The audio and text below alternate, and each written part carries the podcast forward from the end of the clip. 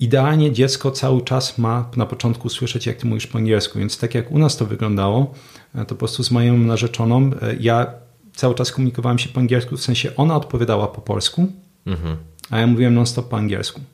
Było przeskakiwanie między językami i rzeczywiście ta, dziewczynka w wieku 5 lat, piękne rozumienie, idealne tego hiszpańskiego, natomiast absolutnie nie odpowiadała, ni huhu.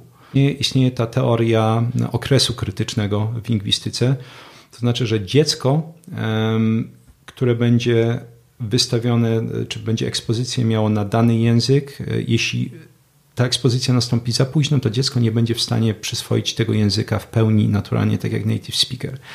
Ten gę, gę, niu, niu, niu, niu, niu. Myślę sobie, że jest coś uroczego w takich dzieciach, które mówią w obcym języku, aż do momentu, kiedy nie zdajesz sobie sprawy, że trzyletnie dziecko mówi lepiej niż się.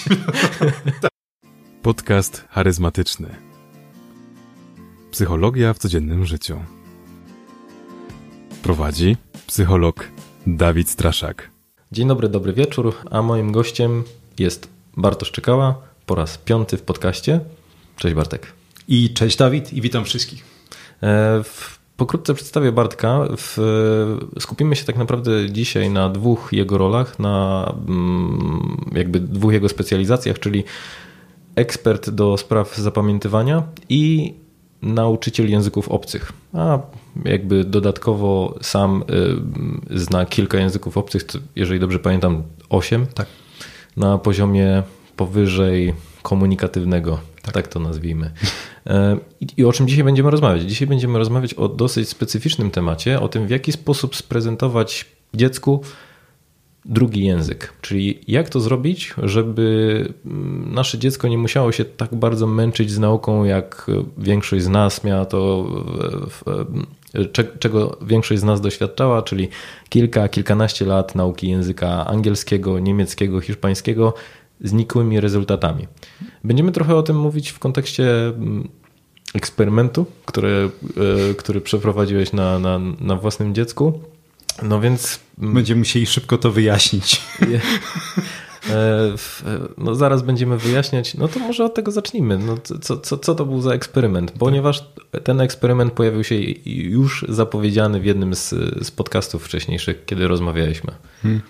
Tak, bo, bo słowo eksperyment przeprowadzany na własnym dziecku brzmi, trzeba przyznać, trochę negatywnie, co najmniej mhm. jakbym sprawdzał, jaka ilość ołowiu sprawi, że rozpłynie mi się połowa, połowa twarzy albo coś takiego, ale tak, eksperyment e, polegał na e, wychowaniu Stasia, e, czy wychowywaniu, bo oczywiście proces cały czas trwa, dwujęzycznie, oczywiście mhm. jakby nie będąc native speakerem i wybór padł na język angielski. Także od, od pierwszego dnia jego narodzin był, czy drugiego dokładnie, był wychowywany i jest wciąż w języku angielskim przeze mnie. Mhm. I Pierwsze pytanie, od którego myślę, warto, żebyśmy zaczęli, to w ogóle po co, po co wychowywać dziecko dwujęzycznie? Jaka, jaka jest wartość? Hmm. Właśnie propos tej wartości, zawsze jak słyszę to, to, pytanie, to taki suchar się ciśnie na usta po prostu, żeby oszczędzić na szkołach językowych, żeby oszczędzić piątaka. Natomiast oczywiście jest to jakaś tam e, poboczna korzyść, że no nie trzeba potem wydawać na, na szkoły językowe, wiadomo, czy jakieś prywatne nauki, wiadomo, że to, to potrafi monstrualne pieniądze kosztować mhm. nieraz, ale szczerze mówiąc, jakby e, głównym motywem mm, głównym motywem to było oszczędzanie czasu. Tak? Wszyscy wiemy, ile czasu spędziliśmy na nauce danego języka. Jeśli mówimy o angielskim, jakby większość słuchaczy na pewno też przynajmniej dobrze zna angielski, mhm. to każdy wie, ile po prostu lat życia w to włożył, ile godzin. Ja pamiętam, że parę lat temu na przykład pisałem artykuł a propos e, mojej znajomości różnego rodzaju języków obcych e, i tam mi wyszło, że znam parę dziesiąt tysięcy słów, czy właściwie rodzin słów z języka angielskiego i zajęło to nie wiem, z 20 ponad lat ile tysięcy godzin, to mogę tylko strzelać na pewno ponad 10 tysięcy. Mhm. E, robienie certyfikatów, e, szkoła podyplomowa z tłumaczeń przysięgłych, filologia i to wszystko po prostu, e, szkoły językowe oczywiście zajęło niesamowitą ilość czasu. Więc jakby to, co u mnie w głowie kiełkowało, że to by, byłby niesamowity prezent, po prostu tak to zawsze nazywałem, do tej pory nazywam, żeby przekazać taką wiedzę, płynnej znajomości danego języka właśnie poniekąd nieświadomie. Tak, że w momencie, w którym jemu się zacznie włączać świadomość, czyli to jest powiedzmy taka większa świadomość się zaczyna pojawiać u dzieci właśnie w okresie 4-5 roku życia. Myślę, że powiesz w 30, po, po 30. tak. To inna świadomość się pojawia. Tak. Natomiast um, Stasiu właśnie teraz będzie we wrześniu kończyć 5 lat, że teraz właśnie w tym momencie, kiedy ta świadomość zaczyna e, mieć jakieś takie przebłyski, że te momenty będzie pamiętać, to już tak naprawdę on się komunikuje w tym języku. Jakby mhm. nie, ma, nie ma kłopotu, jeśli chodzi o komunikację. Mhm. I właśnie chodziło przede wszystkim o oszczędzenie e, tego czasu. Natomiast e, bym powiedział, że drugi, druga część odpowiedzi to jest wszystkie korzyści płynące z nauki języka. Mhm. Tak? E, wszystko od po prostu lepszej pamięci, e, dużo mniejsze szanse na rozwój różnego rodzaju chorób neurodegeneracyjnych, mm, lepszy kontakt ze społeczeństwem, z materiałami, to jakby tych, tych z materiałami, jeśli chodzi ogólnie o edukację, czy, czy ogólnie informacje, bo większość z tego jest dostępna, jeśli chodzi o materiały wysokiej jakości w języku angielskim. E, więc jest to, jak można powiedzieć, taki klucz, który otwiera drzwi do świata e, dla mnie. Więc oczywiście jakby ta druga część odpowiedzi, chociaż to nie jest taki temat, to są wszystkie korzyści ogólnie płynące z, ze znajomości dodatkowego języka. Czyli można powiedzieć, że to samo, co my zyskujemy w momencie, kiedy pozyskujemy ten, ten, ten język obcy. Dokładnie. Myślę, że to też ciekawy ten jest aspekt finansowy, bo jeżeli by tak podsumować, ile rzeczywiście wydajemy na kursy i dodatkowe lekcje, mm. no bo większość osób jednak nie decyduje się na poleganie tylko na tej edukacji państwowej w, w kwestii nauczania języków, no to myślę, że dobry obiad za to można kupić. Dobry. Nie wiem, czy, czy e, lata temu były takie dosyć głośne badania, że obliczano, trochę smutnie to brzmi, e, ale obliczano ile kosztuje e, dziecko, ile kosztuje wychowanie dziecka od mhm. urodzenia do 18 roku życia. Mhm. I ile? Pamiętasz? Oczywiście to zależy, czy to jest pierwsze dziecko. Pierwsze dzieci są najdroższe, bo potem jest przekazywanie ubrań, zabawek Aha. i tak dalej, więc te następne dzieci są, są tańsze już, ale generalnie tam wychodziło 250-300 tysięcy złotych na dziecko, więc okay. każdy mógłby sobie jakieś Maserati dobre kupić, e, że tak powiem, w tej cenie. Natomiast Oczywiście jakby ta dodatkowa edukacja, bym powiedział, to potem zaczyna się robić też właśnie, szczególnie w tym wieku nastoletnim, dosyć duży koszt, więc e, rzeczywiście jeśli coś takiego odpadnie, mm, wydaje mi się, że te oszczędności, nie mówiąc już o tym jakby na dalszą część życia, będą naprawdę znaczące. Mhm. Tak, wiesz, jak wspomniałeś o tym jakby otwarciu pewnych drzwi e, naszym dzieciom w momencie, kiedy one mają tą dwujęzyczność wgraną, że tak powiem, to przychodzi mi do głowy y, sytuacja, kiedy ja gdzieś na, w świecie biznesowym miałem do czynienia z ludźmi, którzy płynnie mówili w obcym języku i najczęściej w momencie, kiedy pytałem, kurczę, no super angielski albo super niemiecki. To okazywało się, że właśnie wynikało to z tego względu, że ktoś wychowywał się w dwujęzycznej rodzinie albo trochę mieszkał w Stanach, trochę mieszkał w Niemczech i nie, nie wynikało to, może inaczej, stosunkowo rzadziej spotykałem się z osobami, które mówiły płynnie w danym języku, który był wyćwiczony, czyli jakby ich nauka to był rezultat ich nauki, tak. kontra y, ta płynność, która wynikała z tego, że ja po prostu gdzieś się urodziłem i gdzieś indziej się wychowałem, więc po prostu dostałem gratis ten język. Nie kosztowało mnie to tak dużo, więc myślę, że, y, że no to była taka przewaga, z którą ciężko było konkurować. Dokładnie. To jest dosyć smutna statystyka. Oczywiście tych jakby badań jest dosyć dużo, ale ile osób dochodzi do mhm. tego ostatniego szczebla nauki języka, przynajmniej ostatniego oficjalnego, czyli C2. E, przy czym C2 to nawet nie jest jeszcze poziom native speakera. Warto podkreślić, że ten poziom native speakera, jeśli klasyfikacje go obejmują, to się klasyfikuje jako C2+, i szacuje się, że nawet na tym poziomie C2, gdzie, gdzie ten poziom słownictwa to jest paręnaście tysięcy e, minimum rodzin języków, poziom wykształconego native speakera, uh-huh. to do tego jeszcze z 30% trzeba dodać, żeby dojść do native speakera. Okay. Więc e, te statystyki pokazują, że to jest mniej niż jedna osoba na 100 dochodzi do tego poziomu C2. Uh-huh. Mhm. Teraz ile osób dochodzi do tego poziomu C2+. No dobra. Prawda? I to, I to jest przerażające. Ja mogę powiedzieć ze swojej perspektywy, jakby te moje główne języki, których nauczam, to jest angielski, niemiecki i szwedzki. Angielski to jest jedyny, który bym określił jako C2+, owszem, niemiecki, szwedzki to, są, to jest C2, ale jeszcze od tego C2, żeby dojść do tego C2+, to jest uh. -huh. ogrom roboty. Uh mhm. -huh. To jest uh mhm. -huh. pewnie, że starczy, żeby płynnie się komunikować, starczy, żeby nauczać, czytać, wszystko robić, ale nawet to nie będzie jeszcze native speaker. Okej. Okay. No dobra, bo też postanowiłem Cię zaprosić, porozmawiać o tym, jak wychowywać dziecko, żeby, żeby sprezentować mu te, te, te, dwa języki poza ojczystym jakiś dodatkowy. Z tego względu, że też zauważyłem w rozmowach e, z większością młodych rodziców, e, może nie większością, z większością spośród moich znajomych, mhm. E, że decydują się na to, żeby mówić do dziecka w języku angielskim, bo znają język angielski i myślą sobie, ok, to przynajmniej nie będzie się męczyło tak, tak samo jak ja. Mhm. I Często do, dowiaduję się, że pojawiają się jakieś wątpliwości, jak to zrobić, mm, jakby logistycznie nie wiedzą, jak do tego podejść. No i pomyślałem sobie, że, że chciałbym też, żeby to było swego rodzaju instrukcją, mm. co, co taki rodzic może, y, mm, może zrobić. I też y, tak, taka uwaga, y, bo chciałbym, żeby to też wybrzmiało, że my nie mamy wykształcenia pedagogicznego. Mm. Więc nie chciałbym, żeby ktoś traktował te rady jako jedyne możliwe rozwiązanie. Tak.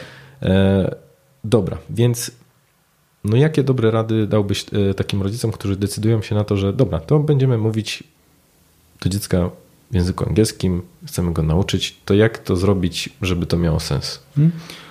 tak naprawdę e, zawiłości jak zawsze będzie trochę więcej. Natomiast jeśli chodzi o główne zasady, bym powiedział, jest zaledwie parę e, zasad, których jeśli człowiek będzie się trzymać, mhm. to już będzie duża szansa na sukces. I też podam przykłady, jak się kończy, nawet jeśli ktoś jest native speakerem i stosuje się do tych zasad, że może to wychowywanie kończyć się porażką, bo też takie mam przykłady w swoim otoczeniu. Mhm. Mm, pierwsze to jest e, taki klasyk, to znaczy, że jeden rodzic, jeden język jakby na początku to będzie ważne pierwszych parę lat życia dziecka. Potem dziecko, kiedy już jakby ten język komunikacji jest e, ustabilizowany między rodzicem a dzieckiem, e, wbrew temu, co daje się czasami usłyszeć, to już nie jest takie ważne. Dziecko może słyszeć, że ty mówisz też po polsku i że ty rozumiesz polski. Język jest ustabilizowany. Zawsze daję taki przykład, jeśli na przykład, no właśnie, w domu mamy jakąś parę i oni stwierdzają, kurde, fajnie było podciągnąć angielski, będziemy mówić ze sobą tylko i wyłącznie po angielsku. Uh-huh. Z mojego doświadczenia nie udaje się właściwie nikomu. Czasami to jest to może pół godziny, jakieś, jakieś sesje wydzieli, to się udaje, natomiast nie udaje się z prostego powodu. Język komunikacji jest ustabilizowany, już jest ustatkowany, że my gadamy ze sobą e, czy między sobą w języku polskim uh-huh. i zmiana tego nagle na siłę jest taka nienaturalna, że to nieważne, że wy wiecie, że wy potraficie pogadać ze sobą po angielsku, to jest na tyle dziwne. Wcześniej czy później przyjdzie kurier i powiesz, yy, możesz mu otworzyć? Mm. Przecież się śpieszymy, tak? Czyli tak. pewnie takie sytuacje tak. dnia codziennego wy, wymuszą ten, ten język polski. Okay. Dokładnie. Ale to ciekawe, że rzeczywiście ta, taki projekt kończy się fiaskiem najczęściej. Prawda? To jest, tyle razy widziałem wśród osób, które nauczałem, że Okazywało się, że na przykład jeśli chodzi nawet o takie nie wiem, niszowe języki, zdarzało mhm. się, że partner mówił też po szwedzku albo był Szwedem. Mówię, no to fantastycznie, to możecie sobie pogadać e, w takim razie, czy spróbować gadać. Mówię, ale tłumaczę jakie zawiłości tego. Nie, nie, to nie będzie problemu, a potem się okazuje, że no właśnie trzeba jeszcze dodatkowej osoby na jakieś dodatkowe e, konsultacje czy konwersacje, bo po prostu jest to na tyle dziwne, e, jeśli chodzi o partnera czy męża, żonę, że no nie daje rady. I jak to robić w przypadku dzieci? W przypadku dzieci, tak mówiłem, to jest po prostu jeden rodzic posługuje się tylko i wyłącznie jednym językiem. I bym powiedział, że podchwytliwość główna. Ale powiem ci, że poczułem ciężar tego, że bo powiedziałeś, że liczymy to w latach, czyli ja teraz decyduję się na to, że to będzie maraton, że przez hmm. 5, 10, 15 lat hmm. będę mówić w języku angielskim. Tak, to jest na zasadzie, jak w tym powiedzonku angielskim, prawda, to jest proste, ale niełatwe. Uh-huh. Um, I podchwytliwość tej rady polega na tym, czy jakby taka pozorna łatwość, że mm, czy zwodniczość, może to było lepsze określenie, że idealnie dziecko cały czas ma na początku słyszeć, jak ty mówisz po angielsku. Więc tak jak u nas to wyglądało, e, to po prostu z moją narzeczoną, e, ja cały czas komunikowałem się po angielsku, w sensie ona odpowiadała po polsku, mhm. a ja mówiłem non-stop po angielsku. Mhm. I dziecko miało po prostu z miejsca nasz staj zakodowane, że okej, okay, dobra, ty jesteś angielski, ty jesteś ten inny jakiś tam mhm. język, prawda? Dziecko, dziecko, nie rozróżnia tylko na zasadzie język A czy język B. Mhm. Mm, I oczywiście mnóstwo dziwnych sytuacji z tego wynikało, bo też nie wiem, idziemy do sklepu, ja do niego mówię po angielsku, Bożena moja mówi do mnie po polsku i ludzie się patrzą dookoła na ten, też na, na tą dziwną komunikację. Dziecko odpowiada po angielsku, za chwilę do mamy po polsku i po prostu jeden wielki koszmar. Mhm. To też było widać w różnego rodzaju jakichś sytuacjach, że ja coś mówię do, do Stasia po angielsku, ktoś próbuje się do półki przepchać, bo wózkiem akurat blokowałem i na zasadzie sorry, sorry, y, can you move? A w zasadzie mówię, trochę zbity z pantałyku mi się, kurde, e, aha, no tak, no bo przecież Musisz grać. Mówię. Tak. I, i... A potem na YouTubie cię widzą. Tak, tak, ale to jest najśmieszniejsze, że e, w sensie zawsze odpowiadałem po angielsku, bo jeszcze mhm. to jest takie zaskoczenie i tak człowiek był, akurat siedział w tym angielskim, więc e, tak powiem kognitywnie łatwiej było odpowiedzieć po angielsku, a drugie żeby nie czynić sytuacji niezręczną. Mhm. Bo też zdarzało się, że nie wiem, stoimy w kolejce do kasy i na przykład kasjerka z miejsca, że podchodzę i zagaduję po angielsku. E, no i ciągniemy dalej to po angielsku, no bo byłoby dziwnie nagle odpowiedzieć po polsku. Także tak, do dziwnych sytuacji to prowadzi. Natomiast to jest bardzo ważne. Ja na przykład w przedszkolu e, mojego Stasia jest parę dzieci e, z takich e, mieszanych rodzin, tylko gdzie rzeczywiście są native speakerzy innych języków. I na przykład jeden tata na imprezie urodzinowej jakiegoś kolegi Stasia mnie zagadał, że jak ja to zrobiłem, że on się, Stasiu się ze mną komunikuje non stop po angielsku i tak ładnie gada, a jego córka i pokazał, że on mówi do niej po hiszpańsku, ona wszystko rozumie, a ona nie odpowiada. Mhm. Mówię, a powiedz mi, jak wyglądała ten komunikacja w domu, że no między sobą to po angielsku, że do niej po hiszpańsku, w zasadzie zupełny mętlik, mhm. jeśli chodzi o język. Nie było po prostu właśnie ustatkowane, że ty cały czas mówisz po prostu do hiszpańsku. E, było przeskakiwanie między językami i rzeczywiście ta dziewczynka w wieku 5 lat, piękne rozumienie, idealne tego hiszpańskiego, natomiast absolutnie nie odpowiadała, ni huhu. Mhm. A więc do tego może prowadzić jakby przerywanie ciągłości komunikacji e, w danym języku. Stąd mówię, że to jest proste.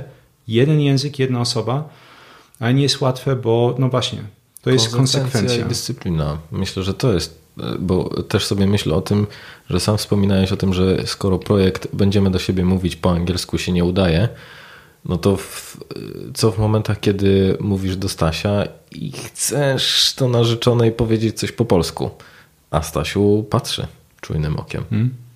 W zasadzie u nas było tyle łatwiej, że po prostu narzeczona świetnie mówi po angielsku, więc mhm. ewentualnie jakieś tam może pojedyncze czasami słowa czy frazy takie bardziej, nie wiem, złożone trzeba było tłumaczyć, a nie mieliśmy tej bariery. Natomiast na ten moment to jest jakby też poniekąd udowodnienie tego, co, co mówiłem i może jakieś zaprzeczenie literaturze, że jeśli język jest już ustabilizowany, to nie ma znaczenia. Teraz na przykład dużo częściej jakby e, jeśli mnie zagadnie o coś e, narzeczona, to odpowiadam po polsku.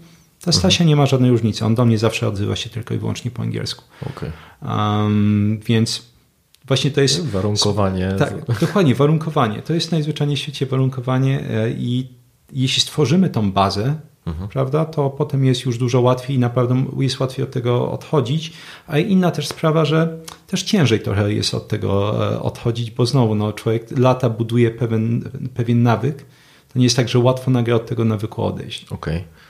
I wiesz, chciałem też zapytać o kwestię związaną z tym, kiedy zaczynać i kiedy sobie odpuścić, to znaczy, że już trochę odjechał ten pociąg i nie ma sensu zaczynać mówić, no bo mhm. nic to nie da. Zakładam, że jeżeli mówimy o takim podstawowym wymiarze warunkowania, no to zaczynać mówić jak najszybciej. Tak. A gdzie jest ta granica, kiedy to już nie będzie przynosiło takich skutków, jakich byśmy oczekiwali? To jest podchwytliwe, podchwytliwe pytanie, bo jakby te narządy słuchowe, one się rozwijają po paru miesiącach życia płodowego. Mhm. Więc ma, mamy dowody z badań, że już wtedy dzieci zaczynają wychwytywać, są w stanie rozpoznać e, głos mamy, są w stanie rozpoznać głos ojca bezpośrednio po narodzinach. Więc teoretycznie wtedy, tak jak to się odbywa normalnie w takich rodzinach native speakerów powinno wyglądać. Kłopot polega na tym, że na przykład, no nie wiem, no ja nie potrafiłem się przekonać, żeby mówić non-stop do brzucha w zasadzie, że hey little buddy, how are you? I bo to jakby absurd już te, czy, czy mhm. nie wiem, jaki, no absurd tej sytuacji dla mnie był, był zbyt duży, um, więc e, bym powiedział, jeśli jest to możliwe, no to po prostu od, e, od narodzin mhm. zacząć mówić. Natomiast kiedy jest za późno, no to jest już bardziej podchwytliwe pytanie. Istnieje, istnieje ta teoria okresu krytycznego w lingwistyce, To znaczy, że dziecko, które będzie wystawione, czy będzie ekspozycję miało na dany język, jeśli ta ekspozycja nastąpi za późno, to dziecko nie będzie w stanie przyswoić tego języka w pełni naturalnie, tak jak native speaker. Jeżeli szukasz psychologa, to zapraszam do swojego gabinetu we Wrocławiu lub na spotkanie online. Link do umówienia wizyty znajduje się w opisie filmu lub po prostu wpisz Dawid Straszak w portalu Znany Lekarz. E, I podchwytliwość polega na tym, że jakby ta hipoteza swojej tej mocnej postaci e, została obalona, w sensie, że wiemy bez żadnego problemu, że każdy może się płynnie nauczyć, nawet jeśli zacznie nie wiem, po 40. Mhm. Mm, natomiast e, znaczy mówilibyśmy o cieniach prawdziwości e, tej hipotezy okresu krytycznego za późno na co? Jeśli chodzi o budowanie na przykład nie wiem, zdań, czyli tą składnię, jeśli chodzi o gramatykę, jeśli chodzi o słownictwo, tak naprawdę i w wieku dwóch, trzech, czterech, pięciu, sześciu lat nie ma absolutnie żadnego problemu. Te dzieci dorastają naprawdę, naprawdę mówiąc do tego poziomu, jakim posługuje się native speaker, patrząc na różnego rodzaju badania. Kłopotem przede wszystkim jest wymowa. Mhm. To, to jest bardzo ciekawe. To bym powiedział, jest najbardziej prawdziwa, jak najprawdziwsza część e, tej, tej hipotezy okresu krytycznego. E, I oczywiście też patrząc stricte na badania, tą neuronaukę, wydaje się, że ma to też największe potwierdzenie, że jeśli dziecko nie będzie miało bardzo wczesnej ekspozycji e, na tych native speakerów, to, czyli mniej więcej do drugiego, trzeciego roku życia, to szansa na to, że opanuje bardzo ładnie fonologię e, danego języka jest, jest niska. Mhm. I tak jak mówię, to ma też odzwierciedlenia w badaniach, bo oczywiście jakby ta, ta lingwistyka e, wczesnodziecięca mm, stosowana jest bardzo fajnie opisana, że wychodzi, że już w wieku paru miesięcy, na przykład, czy przykładowo w wieku 12 miesięcy dzieci przy tym swoim całym wesołym bełkocie, kolorowym bełkocie tak zwanym, zaczynają włączać dźwięki w otoczeniach już wcześniej. Mhm. E, właśnie w wieku już ponad 6 miesięcy one są bardzo wyczulone na, na wysokość tonów. Czyli już wtedy zaczyna się takie kształtowanie tego. Mm, że w badaniach jest pokazywane, że wie, dzieci na przykład w wieku do 6 miesięcy, tak 4-6 miesięcy preferują e, te na gię, te ciupcianie wesołe i hipoteza brzmi tak, że to dlatego, że te dźwięki bardziej naśladują to, jak dziecko produkuje dźwięki. Mhm. A kiedy język zajmuje jeszcze większą część e, ust, więc dzieci są takie bardziej wtedy wyczulone na to i E, no, wyczulone po prostu e, rzeczywiście słuchowo. Natomiast po szóstym miesiącu okazuje się, że wykazują już preferencje do dorosłych głosów, bez tego całego wesołego dziumdziania. I rzeczywiście to by się pokrywało z tymi innymi badaniami, które pokazują, że wtedy zaczynają łowić szczególnie wysokość tonów, tę całą prozodię języka, czyli gdzie melodykę, tak, gdzie kładziemy akcenty, stresy um, wyrazowe. Um, więc jeśli ta, powiedzieć, że za późno, to ewentualnie może być za późno na wymowę. Jeśli chodzi o wymowę, to też jest jedna rzecz, którą warto dodać. E, dzieciom jest bardzo ciężko, niektórzy kłócą się w badaniu, że prawie niemożliwe jest załapać bardzo dobrą wymowę e, bez e, widoczności ust native speakera. Czyli nawet czasami widziałem, że są bardzo ambitne mamy, że nie wiem, dziecku puszczają chińskie radio, dla dziecka jakby to nie ma żadnego praktycznego wymiaru i też nie widzi ust takiej osoby. Nie okay. wiadomo jak, jak po prostu język się układa. E, ja polecam każdemu rodzicowi e, przypatrzeć się jak właśnie małe dzieci e, spoglądają na nas. Bardzo często patrzą na usta. Mhm. Jakie dźwięki produkujemy? Wydaje mi się, w mojej głowie one tak jakby widzą wszystko w tym zwolnionym tempie. Na zasadzie, jak mówię, tak, to no właśnie kąciki w tą stronę, język tak, jest na, na wdechu, na wydechu te, ten dźwięk mhm. produkowany. Mm, więc. Czyli można powiedzieć, że to takie modelowanie zachowań. Bezpośrednio patrzą i w jaki sposób się wypowiadasz i co jakby ma być tym efektem, którego mają doświadczać, co, co jest wy, wytworem. Dokładnie, tak I... bym powiedział, mimikra mhm. ciekawa. Bo teraz też pomyślałem o jednej kwestii związanej z tym, co w momencie, kiedy ja nie mam dobrego akcentu mm. w języku angielskim, niemieckim, jakikolwiek. Myślę, że będziemy mówić o języku angielskim, ale tutaj można wstawić mm. jakikolwiek język, którego, którego chcecie na, na, nauczyć dziecko. Bo pomyślałem sobie, no, że jak jestem zmęczony, to mam brzydki akcent mhm. w języku niemieckim. Jak się postaram, tak przez 10 mhm. minut potrafię mieć brytyjski. E, I co w momencie jakby przekazywania dziecku tego akcentu? Czyli rozumiem, że ono będzie z moim hmm. polskim akcentem w języku angielskim hmm. z założenia. Mówię o tym z tego względu, że rozumiem, że kwestia naśladownictwa i umiejętności jakby określonych tonów też jest związana z tym, czy ktoś właśnie ten akcent będzie, czy dziecko będzie nabywało akcent. Tak. Więc rozumiem, że nie spodziewać się, że jeżeli mówimy z akcentem, to, no to że dziecko będzie mówiło na przykład zupełnie inaczej. Tak, w sensie można, można jak najbardziej się spodziewać, że jeśli nasza gramatyka, nasza składnia, to jest ciekawe, czy, czy nawet słownictwo nie są jakieś doskonałe, to patrząc na badanie, można się spodziewać, że dziecko będzie, że tak powiem, wyzute ze wszystkich tych jakby niedociągnięć naszego języka. Mhm. jakby e, przełożenie, jakby ciężko pełną ekstrapolację tych danych, bo mnóstwo z tych badań było prowadzonych na dzieciach głuchoniemych. Na przykład było pokazywane jeden taki sławny przypadek, dziecko o imieniu Simon, że ono było e, nauczane e, języka migowego przez rodziców, dla których to był drugi język. Rodzice w pełni się jakby komunikowali zwyczajnie mową, ale po prostu, żeby lepiej komunikować się, jakby najpierw się nauczyli, potem uczyli dziecko. Oczywiście dziecko miało styczność z tym mhm. językiem migowym, również przez jakby różnego rodzaju inne szczeble e, kontaktu i dziecko nauczyło się absolutnie bezbłędnie. Jakby wszystkie błędy, które rodzice popełniają, okazuje się, że dziecko e, nauczyło się właśnie tej składni całej tego języka e, bez tych błędów. Jak? Bo um, trzeba pamiętać, że dziec, dziecko to chłonie informacje. E, jakby warto na przykład te, te różnego rodzaju statystyki przytaczać, że w życiu płodowym co sekundę, jak się szacuje, jest, jest tworzonych 250 tysięcy neuronów u dziecka. To jest uh mhm. -huh. więcej taki taka plastyczność mózgu w tym momencie, jak dzieci są młode, mniej więcej do piątego roku życia, kiedy tworzone są właśnie to jest stąd, e, może tak w okolicy piątego roku życia, czwartego w zależności od badania, pojawiają się tak zwane sieci okołonerwowe.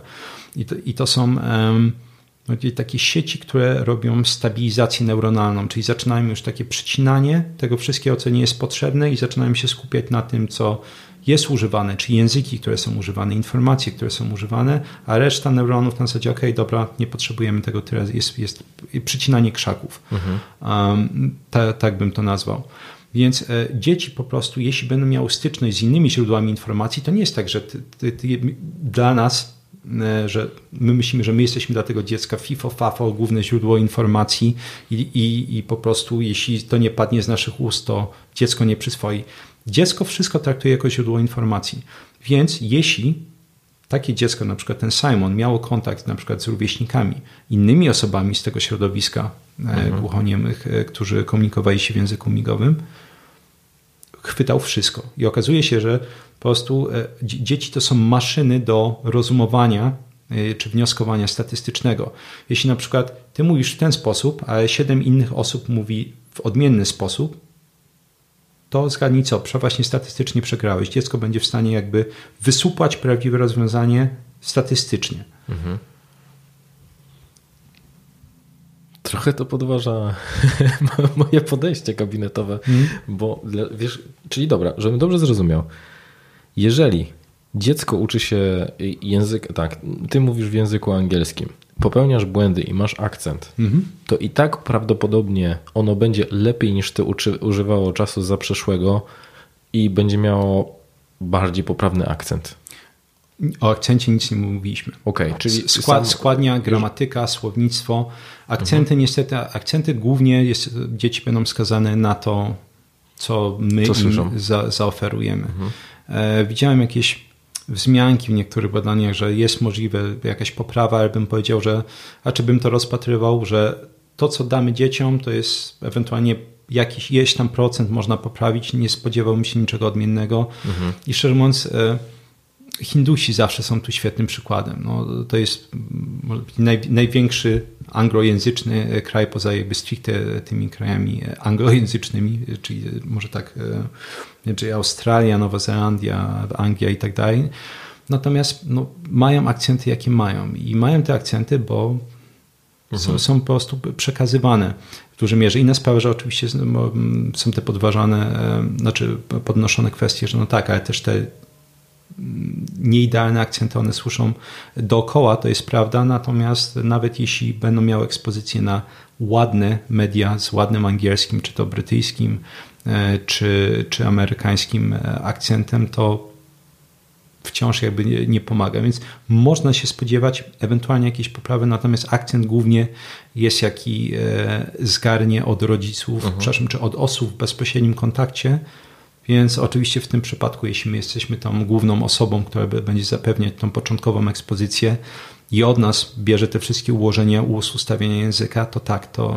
Czyli rozumiem, że żeby też nie ograniczać się do samego siebie, czyli ekspozycja jakby na ten język ze strony zupełnie innych osób yy, jest jak najbardziej pomocnym tutaj narzędziem dla dziecka. Tak, w sensie okay. jeśli wiadomo, że to nie zawsze jest e, możliwe, natomiast na pewno jedna z takich rad to jest po prostu dążenie do jakby zwiększania ekspozycji dziecka na język w każdy możliwy sposób, łącznie z tym, że nie wiem, jeśli byśmy dziecka uczyli czeskiego, nie będąc Czechem, to na przykład zabieramy go do Czech. Mhm. Tak, żeby po prostu on łapał jak największą ekspozycję, szczególnie taką byśmy powiedzieli idealną ekspozycję na ten język. No i to czeskie radio ma wtedy sens? Czy... Jak najbardziej. Czyli znowu wracamy do kwestii związanej z zanurzeniem w języku. Tak. I, i e właśnie, tak jak mówimy, jakby te ogólne zasady są proste. Czyli na razie mieliśmy, że jedna osoba, jeden język. Takie dwa szybkie to jest regularność i cierpliwość mhm. na pewno. Natomiast ostatnia to jest, no właśnie, pełna imersja językowa w jakikolwiek sposób, w jaki możemy to zagwarantować. Mm, najważniejsze to jest właśnie wybić sobie z głowy, że my jesteśmy źródłem wiedzy, czy mamy być okay. źródłem pełnej wiedzy dla tego e, dziecka. Im więcej tych źródeł, tym lepiej. To znaczy, że e, jest bardzo duże, bym powiedział, mm, podobieństwo między tym, jak omawialiśmy w, pierwszym odcinku naszego wywiadu, jak dorośli się uczą języków, a tym, jak mhm. dzieci będą się uczyć. To znaczy, mamy tak zwany ten próg krytyczny nauki pasywnej, czyli dopiero mhm. jeśli dziecko zgromadzi określoną ilość słownictwa, to będzie same w stanie uczyć się nowych słów kontekstowo, czyli już jakby można powiedzieć z obcych kontekstów, na zasadzie z kreskówek, z radia, um, takich źródeł. Natomiast da, dlatego jesteśmy strasznie ważni, szczególnie na początku, żeby pokazać, że na zasadzie jeśli pokazujemy tak, że to jest wall, tak, że to będzie microphone i wszystkie te rzeczy, bo wtedy dziecko no, oczywiście bardzo łatwo koduje, tak, to ok, to jest to, to jest to, to jest to mhm. i tworzy tą bazę i w pewnym momencie ta, można powiedzieć, baza słownictwa e, pasywnego osiąga ten moment krytyczny, że dziecko jest, rozumie już na tyle dużo z tych komunikatów jakichś zewnętrznych powiedzmy, czyli właśnie nie wiem, e, choćby te kreskówki, że jest w stanie wyławiać nowe słowa. Jest to naprawdę fascynujące, powiedział, zjawisko, że ja wiem, jak mówię, wiem, jakie mam wzorce językowe, natomiast nagle dziecko wybiega i, i wyskakuje z jakimś innym słowem. Skąd wzięło? Oczywiście wiadomo, jakaś tam kreskówka czy bajka, czy jakiś film, ale na zasadzie ja, ja tak nie mówię. Uh -huh. To mhm. nie jest słowo, które, czy zwrot, którego bym użył. Uh mhm. -huh. a, także po tym, że tak powiem, już najpierw trzeba wtoczyć trochę ten głaz na górę, a potem już dosyć powiedzmy samoistnie się toczy. Samo się kula. No. Tak, na, nawet do tego stopnia, że...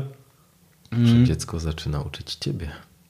A, tak mi szczerze mówiąc, mam, mam, nadzieję, że przyjdzie taki moment. Jeszcze, nie, jeszcze to nie jest to, ale na pewno to była niesamowita duma. E, ale jest, jest właśnie bardzo ciekawe e, obserwowanie, że w pewnym momencie już oczywiście idealnie ten kontekst z naszej strony powinien być jak największy i komunikacja z dzieckiem, natomiast nawet jak się już go zostawi go na 2-3 godziny z kreskówkami, to jest nauka.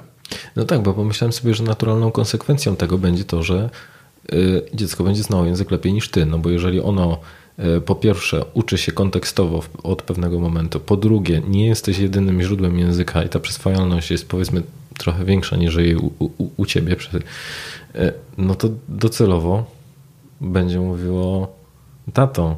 Hmm?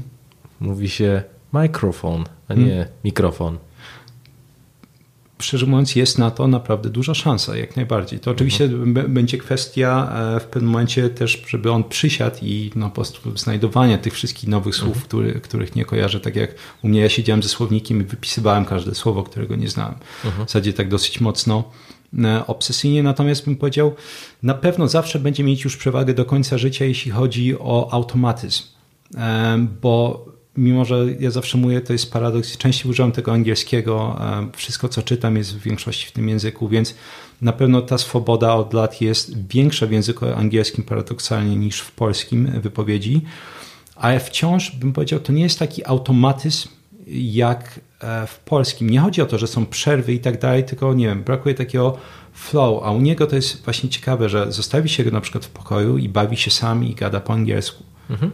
Albo na przykład przez sen czasami gada po angielsku. I to są rzeczy, które ja oczywiście nie wiem, czy zdarzało mi się mówić po angielsku, ale strzelam, że nie. Mhm. że to jest po prostu tak głęboko zakodowane. Tam też badania pokazują, że te, te języki e, główne, ojczyste, one są jakby kodowane w lewym płacie skroniowym. I one są jakby e, odseparowane od tych kolejnych języków, czyli L2, mhm. E, które, które będziemy nabywać. Nawet dochodzi czasami do takiej dwujęzycznej afazji, że przy odpowiednim uszkodzeniu mózgu na przykład mogą się wyłączyć z użycia języki, które będą właśnie tymi językami nabytymi e, w późniejszym okresie życia, a te ojczyste zostaną zachowane, albo na odwrót. Okay. Jeśli ten lewy płat skroniowy jest uszkodzony, to możemy zostać paradoksalnie z tymi drugimi językami, które, których się uczyliśmy sztucznie, można powiedzieć nie, nie w sposób naturalny, jak to się niektórzy określają i Także chodzi na to, że zupełnie jest inne kodowanie tych informacji e, wtedy i nawet umiejscowienie tych informacji. Mhm. Stąd, tak jak mówię, to na pewno jest, będzie zawsze przewaga. Nawet jeśli on by nie, nigdy nie doszedł do takiego poziomu słownictwa jak ja, to zawsze będzie przewaga tego, to jest inaczej zakodowane, to jest dużo naturalniejsze dla niego niż dla mnie. Nieważne jaką będę mieć ekspozycję na to. Zwłaszcza, że jak rozmawiam z ludźmi, to większość osób wskazuje na największy problem e, językowy, e, z jakim się borykają, to to, że no, mm, ja rozumiem, ale wstydzę się trochę mówić, głupio mm. mi jest mówić, tak. więc ta aktywizacja pod względem no, po prostu mówienia jest tutaj sprezentowana od samego początku. Super. Tak. No dobra, domyślam się, że już wspominałeś o takich dziwnych sytuacjach, że ktoś chce przejechać z wózkiem mhm. i nie wiadomo jak tutaj, jak do tego podejść, czy powiedzieć po angielsku, czy po polsku. E, jak to zakomunikować? No bo nie, nie żyjemy jako samotne wyspy. Mhm. Dziecko uczęszcza do żłobka, przedszkola, mm, na huśtawki, na placu zabaw osiedlowym. Tak. Jak to zakomunikować? Bym powiedział, to, to jest część tego procesu przygotowania mhm. do dwujęzycznego e, wychowywania dziecka, że trzeba po prostu uprzedzić całe najbliższe otoczenie, że tak to się będzie odbywać. Mhm. I oczywiście no, idealnie, jeśli znajdzie się zrozumienie, jeśli tego zrozumienia się nie znajdzie, to bym powiedział, no nie, ja na przykład nigdy tego nie robiłem dla kogokolwiek innego, to było na zasadzie ma być prezent dla niego, robię to dla niego. Mhm. Czyli były teksty. A po co ty to robisz? E, akurat strasznie rzadko. E, szczerze mówiąc, bardziej bym powiedział, więcej tych. Więc większość tych kłopotów było zdecydowanie e, w głowie. Mi się wydawało, że inni będą, zwłaszcza to mówię z punktu widzenia takiego bardzo typowego intrawertyka, że inni oceniają, inni wiedzą, że ty jesteś oszustem. Mm, więc te kłopoty były głównie w głowie. Oszustem? W sensie, że ty wcale nie jesteś Anglikiem. Tak, że, że ty oszukujesz, albo w zasadzie wszystkie takie, no, większość ty, tych rzeczy, jak to się mówi w tym impostor e, syndrome, ten, mhm. ten syndrom oszusta, jaki, jaki można sobie wyczytać, że człowiek na przykład, nawet jeśli jest ekspertem w danej dziedzinie, to i tak zawsze będzie, czy wiele osób, szczególnie introwertyków, czuje, że oszukuje, oni niedługo odkryją, że nic nie wiem tak naprawdę o tej dziedzinie i, i człowiek non-stop jakby podważa tą swoją nie wiem, jakąś e, pewność siebie, ekspertyzę i tak dalej. E, I tu było bardzo podobnie, w sensie na przykład e, spodziewałem się, że mm, jeśli chodzi o rodzinę mojej narzeczonej, ponieważ jakby oni nie mówią zupełnie po angielsku, że może być kłopot, no, czuli się wykluczeni, nie było nigdy żadnego komentarza. W zasadzie mhm. było ok, dobra, bo jest to poniekąd wykluczenie, tak? Ja siedzimy wszyscy razem w pokoju, a ja na przykład ja mówię do niego tylko i wyłącznie po angielsku, on mi odpowiada, oni są wyłączeni z rozmowy, nie bardzo wiedzą czemu on na przykład, nie wiem, sięgnie po ciastko, albo na przykład nie chce coś jeść, albo po coś biegnie. Jest to, no, powiedzieć, jakiś dyskomfort y, dla osób, więc właśnie... Myślę, myślę, że wiesz, w dużych miastach zastanawiam, jak wiesz, wybieram się na plac zabaw, E, to, to, to słyszę e, po prostu, że tam jest ukraiński, rosyjski, tak. angielski. Jest kocioł, nie? Że taki językowy pod względem tego, że to już chyba nikogo nie dziwi, hmm. że po prostu dzieci nie mówią tylko i wyłącznie jednym językiem. I myślę, że takie piękno, które, które było dla mnie zaskakujące, to to, że dzieciaki się potrafią dogadać. Tak. E, niezależnie od tego, że, że rozmawiamy w innych językach. Tak, to jest prawda.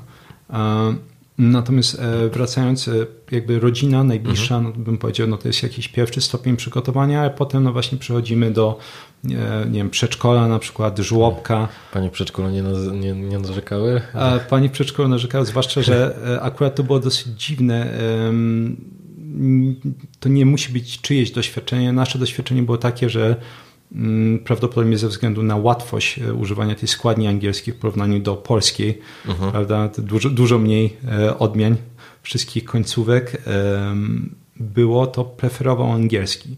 Mimo, że wiadomo, polski uh-huh. dominował z każdej możliwej strony, angielski to było głównie jakaś tam ekspozycja na media w domu e, i, i rozmowy ze mną to wykazywał mocną preferencję do angielskiego, no i na początku to było głównie gadanie, szczególnie jak był malutki, po angielsku.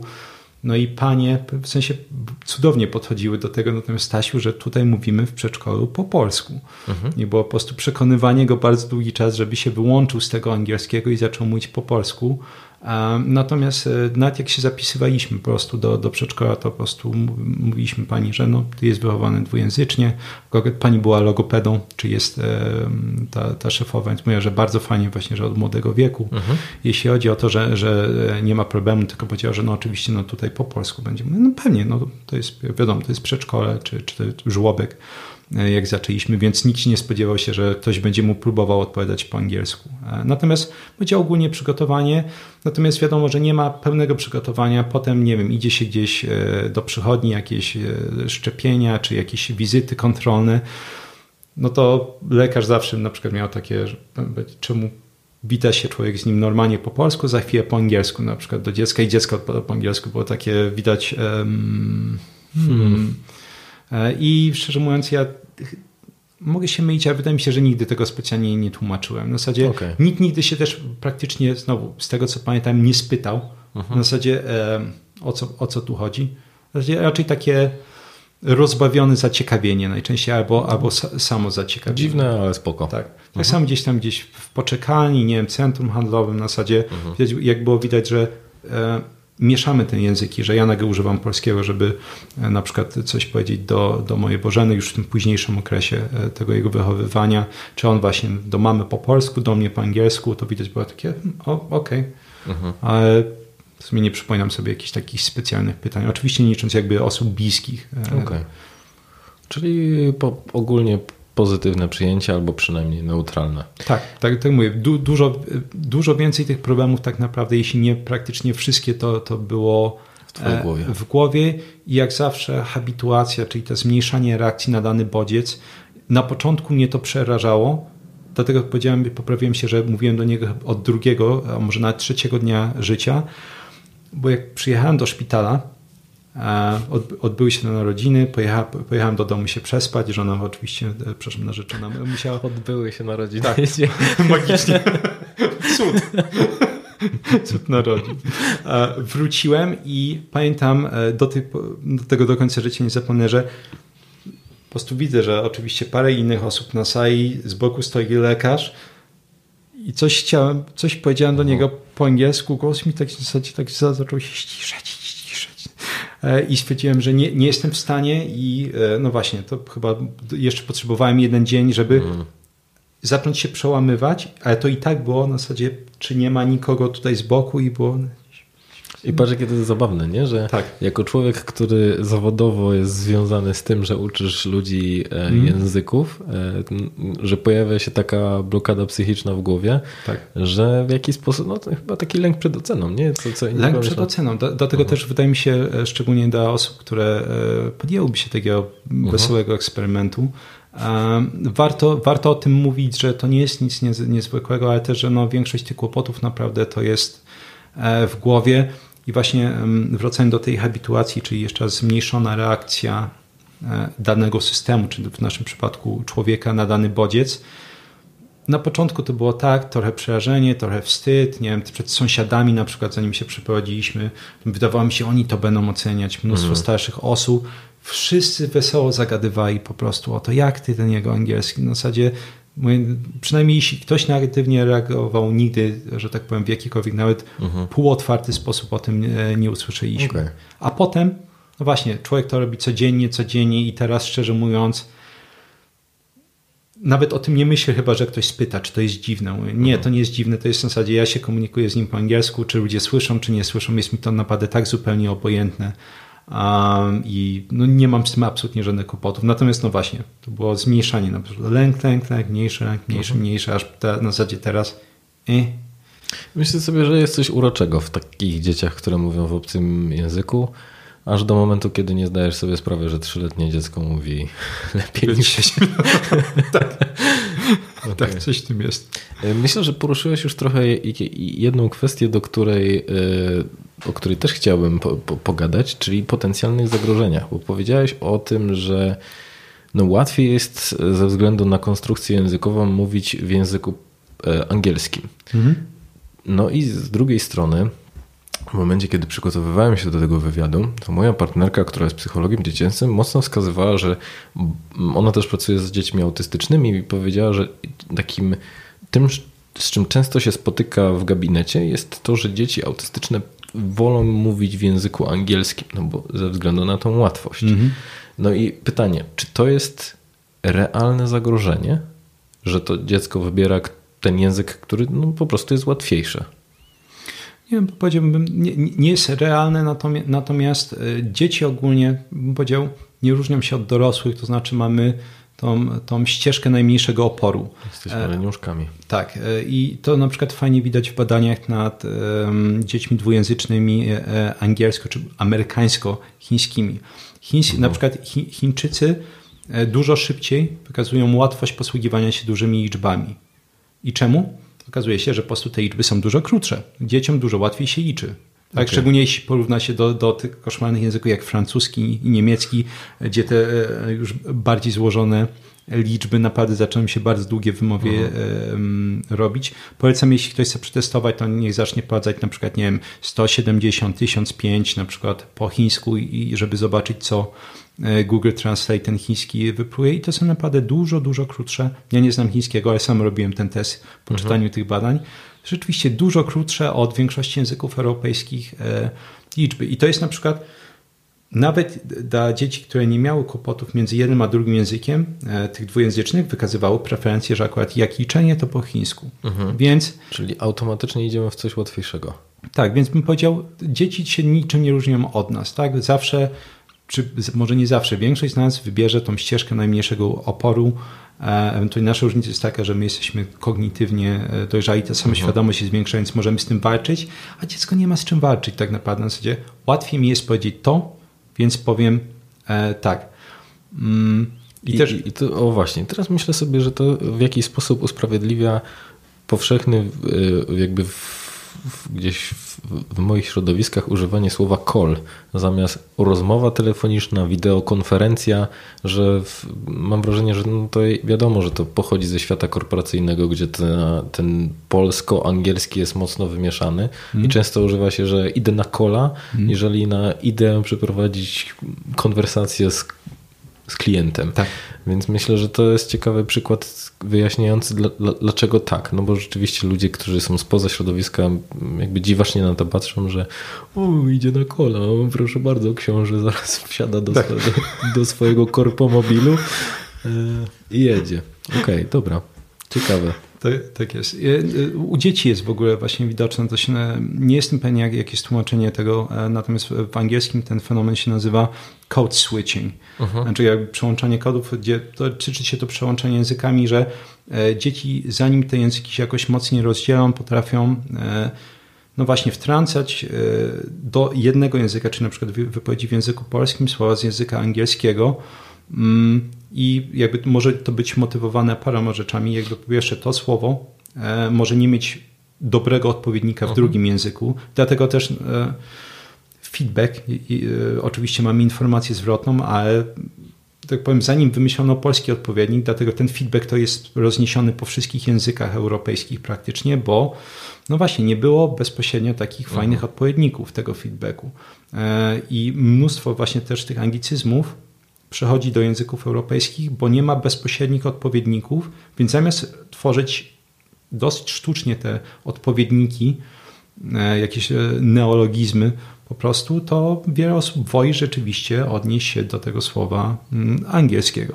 A mhm. drugie to jest, drugi powód to może być lepsza aktywizacja tego słowa, na przykład w języku angielskim versus języku polskim, albo w ogóle brak znajomości tego słowa mhm. E, w jednym języku versus drugi. Nawet ostatnio mieliśmy, myślę, że dwa dni temu um, się pytał, czy kiedy, mój Stasiu, kiedy jest dzień zabawki. Mogą przedszkolu wtedy przynieść dowolną zabawkę z domu. Mhm. Um, I gadał ze mną po angielsku i mu mówię, że, że ten dzień zabawki jest tomorrow. E, I tak, czyli jutro. I E, akurat moja narzeczona była z, z boku e, i on się tak na nią popatrzy, podrapał się w głowę i na zasadzie mówi, że mama, dzień zabawki jest tomorrow. Mhm. Na zasadzie widać było, że takie pomyślałem, czy jak kojarzę, jaki jest. Nie, chyba nie. No to właśnie i ma takie właśnie śmieszne wstawki jak wujek z Chicago. Okay. No to w zasadzie, że u nas na dystrykcie to tu mhm. jest na, na Seventh Avenue. Um, i... Ale wiesz, że często też to osoby w komentarzach tobie zarzucają, tak. że masz bardzo dużo wtrąceń takich kalek językowych z, z innych właśnie, chyba z angielskiego głównie. Mnóstwo. Właśnie szczególnie jeśli chodzi o takie, bym powiedział, specjalistyczne słownictwo, mhm. jeśli na przykład wszystko z medycyny, dietetyki, neuronauki, e, bym powiedział 99,9% czytam po angielsku i na przykład choćby te zjawiska, nazwy zjawisk, mamy code switching. Mhm. W sensie ja często na przykład... Kodów. Tak, no właśnie.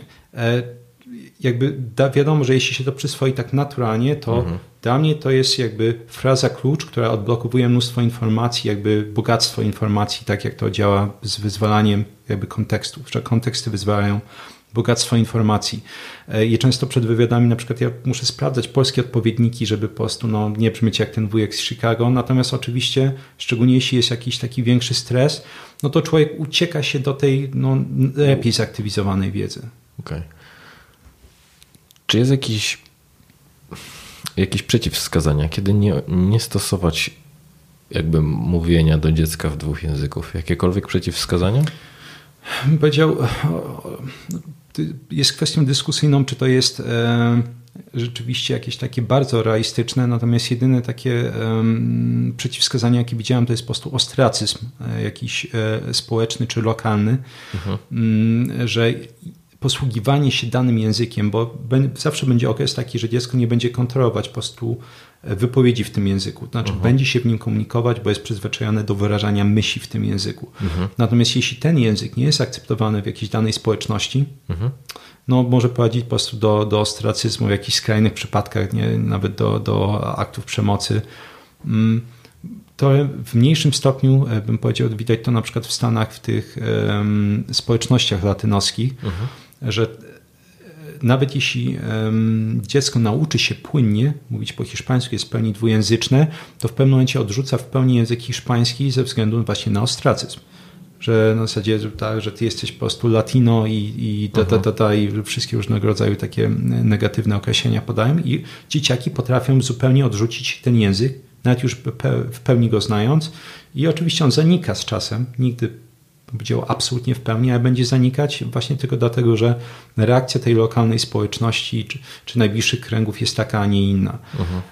Um, natomiast oczywiście w takim skrajnej postaci, tak mówiłem, ten ostracyzm czy jakieś akty przemocy, bym powiedział, pytanie, jak często się rzeczywiście dzieje, szczególnie jeśli oczywiście my mówimy o, o kontekście Polski. Czy może się zdarzyć? Może, na to bym ewentualnie uważał, natomiast ciężko mi tak naprawdę jakieś znaleźć mocne mocne przeciw. Wiesz, bo właśnie wracamy do, do, do psychologa dziecięcego, właśnie nawet od, odniosę się do tego pytania, że, że wpływ dwujęzyczności czy wielojęzyczności na lęk społeczny u dzieci to, to jest mutyzm selektywny. Co trzecie dziecko wielojęzyczne jest bardziej narażone na jego wystąpienie. Czyli myślę, że w jakiś sposób to jest to, o czym powiedziałeś, że obawia przed tym wykluczeniem społecznym, czyli doprowadzające do mutyzmu, czyli ja w ogóle się nie będę odzywał w innych momentach, kiedy, mm, niżeli na przykład w momencie, kiedy czuję się bezpiecznie, czyli w domu mówię normalnie, a w przedszkolu już całkowicie się nie odzywam. Ja mam to, trochę inne spojrzenie jakby z punktu widzenia tej nauki o pamięci na, mhm. na mutyzm selektywny. Um, bo to jest oczywiście najczęściej jest określane, że pod wpływem szczególnie sytuacji stresowych, że oczywiście dziecko ogranicza wypowiedzi albo w ogóle zaprzestaje ich. No i jest, mamy porozumiewanie się e, na przykład gestami czy mimiką, mhm. że idziemy, tata. Natomiast e, szczególnie u mniejszych dzieci e, w sumie najlepiej, najlepiej wytłumaczyć to mechanizmem. W momencie, w którym będziemy mieć informacje, które nie są częścią pamięci długotrwałej, to wtedy takie informacje są bardzo podatne właśnie na różnego rodzaju stresory. Takie mamy te stresory pierwszego rzutu e, katecholaminy, czyli adrenaliny i noradrenaliny, a potem po parunastu minutach jakieś większe wyrzuty kortyzolu, to te hormony mają to do siebie, że w sytuacji stresowej będą odcinać e, dostęp do informacji w korze przedczłowej, które są właśnie nieskonsolidowane dobrze, nie są e, częścią pamięci długotrwałej. Mhm. I każdy z nas tego doświadczył. Może zacznijmy od dorosłych. Czyli jeśli na przykład zaczynamy się uczyć języka i uczymy się go w warunkach bezstresowych, na zasadzie może jakieś lekcje prywatne, że przyzwyczaj, wiesz, jeśli e, my mieliśmy naszą przygodę z niemieckim e, mhm. i na przykład jeśli ty przyzwyczaisz się do, do mnie, że my gadamy po niemiecku, to na początku jest stres, może wstyd, ale potem na zasadzie, ej, to jest Bartek, co nie, gadamy mhm. sobie. Już jakby ten stres jest mniejszy i może się pojawić takie wrażenie, że kurde, no w tym niemieckim to już pogadam. Przychodzi nagle jakiś wujek Hans, odzywa się do ciebie po niemiecku, zmrożenie.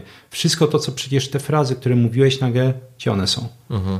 Pamiętam Twoją radę dotyczącą e, fiszek, że jeżeli, już nie pamiętam czasu, jaki tam zakładają, że jeżeli w ciągu dwóch sekund nie jestem w stanie czy to jest, tak, odpowiedzieć. 3 do 5 sekund zależności. 3 do 5, okej. Okay, no to w, w, czyli jeżeli w, odwracam fiszkę i w ciągu 3 do 5 sekund nie jestem sobie w stanie przypomnieć słowa, no to zakładamy, że już jest spalona z tego względu, że w sytuacji stresującej, czyli właśnie gadając z wujkiem Hansem, na bank sobie nie będziesz w stanie przypomnieć te, te, tego słowa. Mhm. Tak.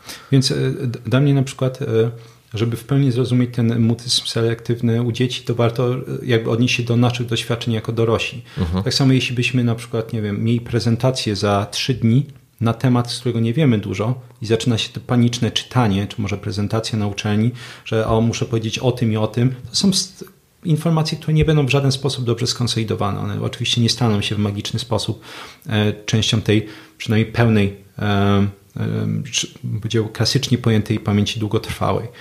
E, oczywiście Czyli tam... to jest swego rodzaju rozwiązanie, że jeżeli e, ludzie mówią, dobra, machnę ręką na to i pójdę na żywioł, bo przecież jakby pracuję z tym na co dzień, więc nie będę sobie tego przygotowywał, czyli nie powiem sobie tego chociaż raz, tak. to powoduje, że w sytuacji jakby ekspozycji na stres zamieram, tak. nie pamiętam o czym właściwie miałem mówić. Tak, i, okay. i, w sumie tak można to sobie po prostu wytłumaczyć. Mamy stresor, stresor powoduje wydzielanie tych ogólnie, mówiąc e, szeroko, hormonów stresu. Mhm. One odcinają dostęp do, do kory przedczołowej, która u dzieci jest bardzo słabo wykształcona e, i odcina dostęp do informacji w ten sposób, które są słabo skonsolidowane. Więc ten mutyzm to, to nie jest tylko kwestia e, języka, to jest kwestia, jak dobrze dane frazy mhm czy, czy składnia danego języka, oczywiście to będzie też to zależeć od, od, wieku tego dziecka, jak długo się uczy, e, są skonsolidowane, bo jeśli są słabo skonsolidowane, to będzie tak jak z nami dorosłymi. Mhm. W zasadzie tak, że na spokojnie w domu my sobie pogadamy, czy z nauczycielem, czy może w szkole językowej, jak, jak właśnie znamy wszystkich, no ale potem właśnie przychodzi wujek Henry czy wujek Hans i no, e, e, czemu? Nie jesteśmy przyzwyczajeni. Tak jakby ta no. osoba jest dużo większym stresorem potencjalnie dla nas niż osoby, do których przywykliśmy, czyli znowu habituacja. Tym samym, no właśnie, te osoby mogą doprowadzić, do tego po prostu zaćmienia. Um, ogólnie fajnie ktoś mi to kiedyś napisał, że oni to, ktoś to nazwał zaćmieniem kortyzolowym. I podoba mi się rzeczywiście, że ta, taki, to jest większy stresor, ta nowa osoba. Um, I tak reagują dzieci. I bym powiedział, że nie jest to zagrożenie, to raczej jest reakcja stricte na to, że ten stres jest na tyle duży, a informacje na tyle słabo skonsolidowane, oczywiście dane porcje informacji, że tak ciężko to wydobyć. Okej. Okay. Dobra, i teraz chciałbym też przejść do kwestii związanej z takimi krytycznymi głosami, które się pojawiły w swoim artykule. Mm, zresztą on będzie podlinkowany.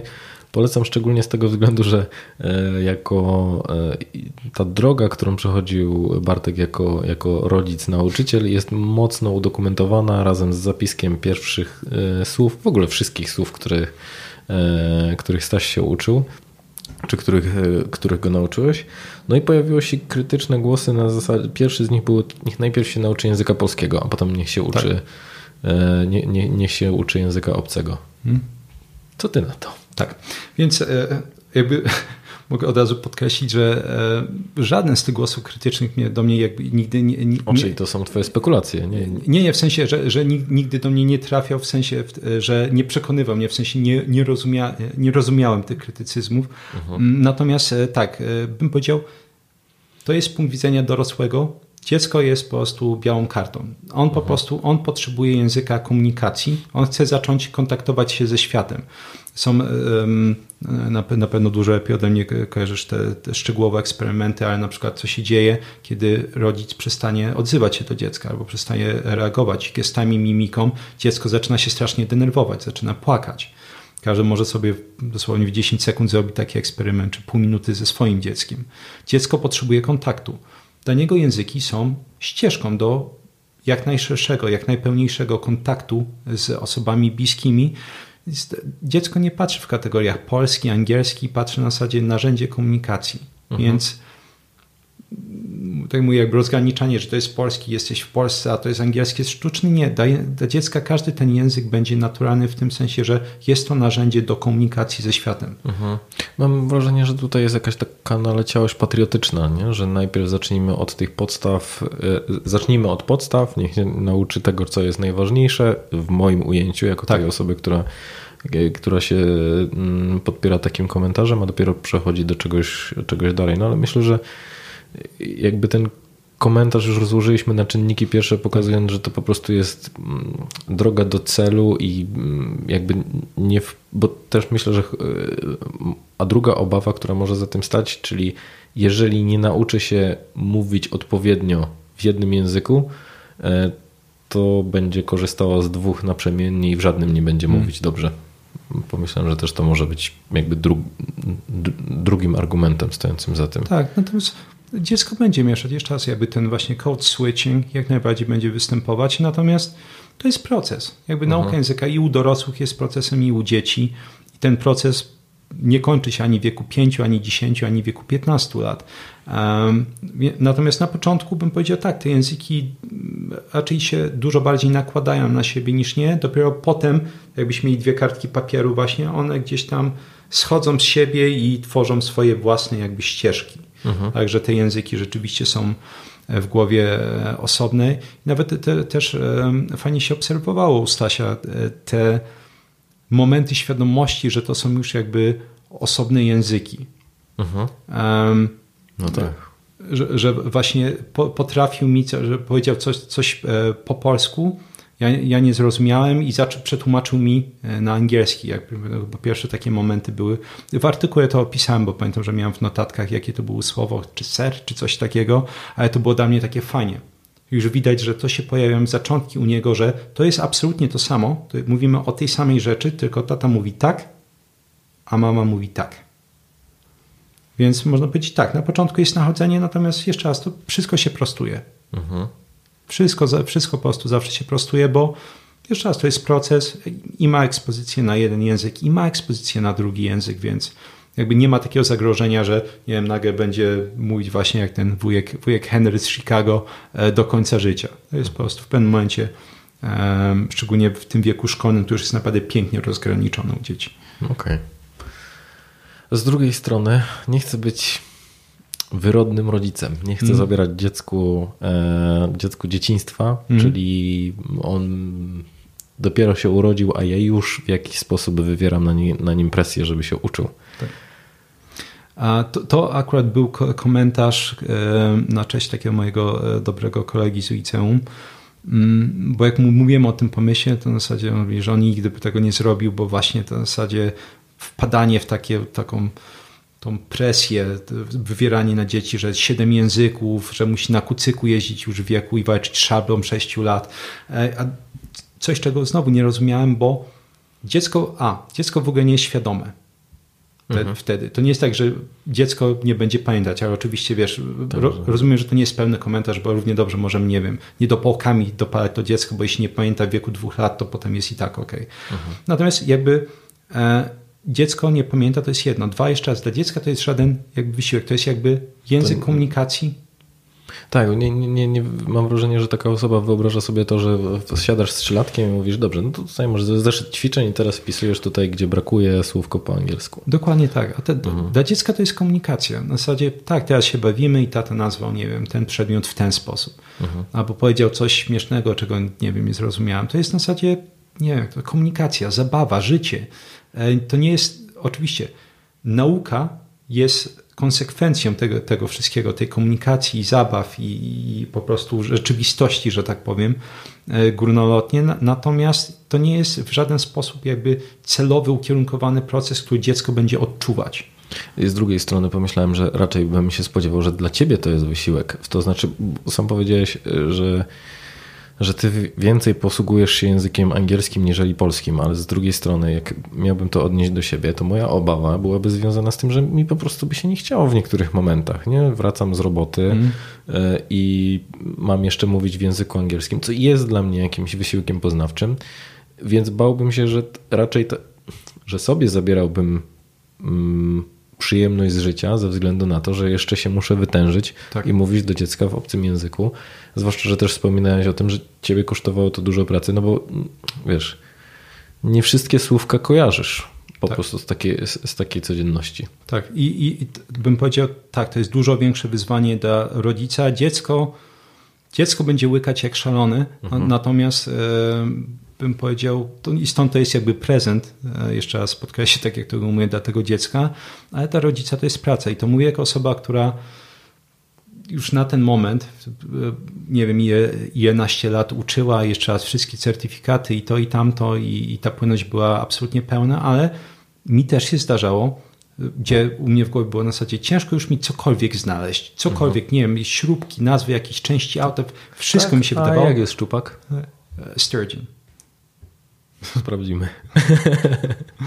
um, I ciężko było mi znaleźć co, coś takiego, co, co jakby wydawało mi się, że, że nie -huh. wiem. Mhm. Bo, zwłaszcza, że też nawet te osoby, których uczyłem, czasami nie testowały, jakieś szalone słowa znajdowały. Mhm. Prawie zawsze człowiek z tego wychodzi. Jak nie widziałem, to sprawdzałem i dopisywałem. Ale nagle się okazuje, że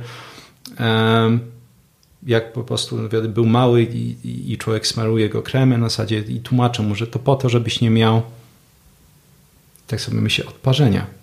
Mhm. Jak, jest, odparzenie? I na przykład było to, albo na przykład taki kolokwializm, że upaprać się. Mhm. I myślę, kurde, no oczywiście nie, można jakieś tam get dirty, natomiast jak jest upaprać się? Jeśli dokładnie tak, wszystkie takie właśnie ciekawe, naturalne takie kolokwializmy, na przykład, e, nie wiem, zamiast wyjść za mąż, hajtnąć się, tak? Mhm. Nie wiem, ciapnąć, albo nie wiem, klapnąć sobie. W takiej zasadzie zamiast, że Stasiu siądź sobie, jak powiedzieć, klapnąć sobie.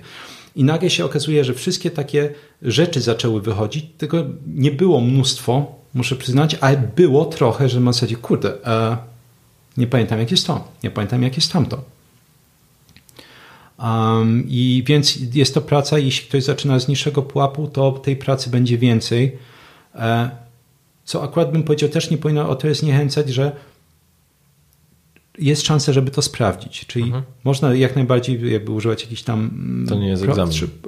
pojęć, ale zanim na przykład, nie wiem, teraz dziecku wytłumaczę, co jest, nie wiem, w lodówce i nie, i nie wiem, jak jest, nie wiem, ananas czy cokolwiek takiego, zrobić sobie listę samemu się nauczyć swoją drogą. Też wydaje mi się, nie ma piękniejszej, naturalniejszej ścieżki, żeby samemu e, jakby znaturalizować ten język i dojść do wyższego poziomu niż to. W zasadzie codzienna komunikacja z osobą, która w żaden sposób nie będzie cię oceniała, e, a jednocześnie jakby jest taka najbardziej naturalna na świecie, uh mhm. -huh, prawda? Uh -huh. Super. No i myślę, że już gdzieś to rozwiązaliśmy, ale lepiej go nie uczyć, bo jeszcze źle się nauczy mówić. Rozumiem, że w, w, w kontekście tego obcego języka. Tak. E, tak, to, to już w dużej mierze sobie omówiliśmy, natomiast jeszcze warto wspomnieć, o ogólnym jakby, nons, jakby nonsensie takiego rozumowania. Ludzie często walczą, znowu, naście lat, żeby nauczyć się po prostu tego, tego języka dobrze, nawet nie mówimy, że jak native speaker dobrze, e, i wciąż narzekają. Tak? Większość osób zawsze będzie narzekać na ten język, że próbowało, ale coś tam nie są pewni, jak gadają. I większość z tych osób nie, nie, uważa, że to jest powód do dumy, że oni się porozumiewają na przykład bardzo dobrze, jest ta płynność czy relatywna płynność, nawet jeśli pojawiają się błędy. A jednocześnie jak się patrzy na dziecko, to nagle się okazuje, że co, jakby to dziecko porozumiewało się płynnie, a jakieś byłyby błędy nawet potencjalnie, to to już jest źle. Mhm. I są oczywiście też badania, które pokazują, jak, jak wygląda ta ścieżka rozwoju językowego u dzieci, które mają bardziej szczątkowy kontakt od małego z danymi językami. Wciąż dużo lepiej się porozumiewają niż ktokolwiek inny, niż rówieśnicy, którzy ten kontakt zyskują później. I ja to zawsze patrzyłem, stąd też nazwałem to eksperyment, bo eksperyment to jest właśnie takie fajne słowo, które zezwala na porażkę. Mhm. To nie jest na zasadzie, nie wiem, wyzwanie, tak? Na zasadzie, że jak się nie uda, to będę po prostu się, nie wiem, pastwić nad sobą, kurde, się tym zajmuję i pamięcią językami jestem takim debilem, że po prostu dziecka nie mogłem nauczyć. Było, okej, okay, wiadomo jaki jest sukces tutaj, jakbyśmy definiowali e, to pozytywne zakończenie tego eksperymentu. Natomiast pytanie, to nasze takie często sobie rozmawiamy, stoickie pytanie, jaka jest najgorsza możliwa konsekwencja takich rzeczy. Więc najgorsza możliwa konsekwencja jest taka, że dziecko odrzuci ten język, tak jak ci e, mhm. latynosi. Powiedział, to jest najgorsze, no bo to jest zmarnowane, ale uwaga, nawet wtedy rozumienie jest pełne, albo przynajmniej dużo, dużo lepsze niż u wieśników. Komunikacja, jeśli będzie chciał potem, jest dużo łatwiejsza. Mhm. Więc dla mnie to było na zasadzie najgorszy przebieg tego eksperymentu jest po prostu mniejszym sukcesem. Mhm. No, bym powiedział, ciężko tutaj o, o jakąkolwiek, chyba że tobie coś przychodzi do głowy, definicję porażki, która byłaby rzeczywistą porażką. To jest na zasadzie w najgorszym razie i tak będzie znać lepiej, albo będzie mu łatwiej w przyszłości. No przestanie się do ciebie odzywać w tym języku, skoro tak. mówisz tylko i wyłącznie po angielsku, on zostanie odrzucony. Wytnie się. E, o, o, czymś takim swoją drogą e, nie słyszałem, ale kto wie, kto wie. Ale bym powiedział, no, z tych takich realistycznych scenariuszy wydaje mi się, że no mówię, ciężko o jakąkolwiek tak, tak, taką rzeczywistą, mocną porażkę. W zasadzie to by, bym powiedział, ta porażka to byłby po prostu mniejszy sukces w tym mhm. przypadku, jeśli chodzi o to nauczanie. Mhm. Dobra, wygląda na to, że mamy mamy to, zatem kurczę, no co, co chciałem wam powiedzieć? Przede wszystkim chciałem was zachęcić do przeczytania artykułu Bartka dotyczącego właśnie eksperymentu, który, który tutaj pogłębiliśmy. Z drugiej strony do kursów Bartka, zwłaszcza Vocabulary Labs e, dotyczącego nauki języków i szczególnie jeżeli byście chcieli dowiedzieć się, jak wy jako dorośli możecie się nauczyć języków, to polecam wcześniejszy odcinek podcastu, który już ma prawie ćwierć miliona wyświetleń, więc chyba, chyba są tam wartościowe treści. Mm. E, no i co, Bartek? Kurczę, dziękuję Ci bardzo za to, że wpadłeś. Jak zwykle myślałem, że przygotowując się zgłębiłem temat, a byłem zaskoczony ilością przydatnych informacji. Także no, dzięki za, za bardzo dużą wartość e, i, i, no, dawkę wiedzy. I dzięki za kolejne zaproszenie. Może do dziesiątki dobijemy kiedyś. No, teraz wygląda na to, że jesteś raz na 10, 10 odcinków, także, także jak, jak najbardziej. E, drodzy słuchacze, ja Was za, za, zachęcam do subskrybowania, do komentowania, czy Wam się podobało. Jeżeli macie jakieś pytania do Bartka, to, to dawajcie znać w komentarzu. No i dawajcie łapki w górę, jeżeli oglądacie to na YouTubie. To wszystko z naszej strony, także dzięki jeszcze raz i miłego dnia albo wieczoru. I wszystkiego dobrego dla słuchaczy. Do zobaczenia. Do zobaczenia, cześć. Słuchasz podcastu charyzmatyczny. Zasubskrybuj, daj kciuk w górę lub skomentuj.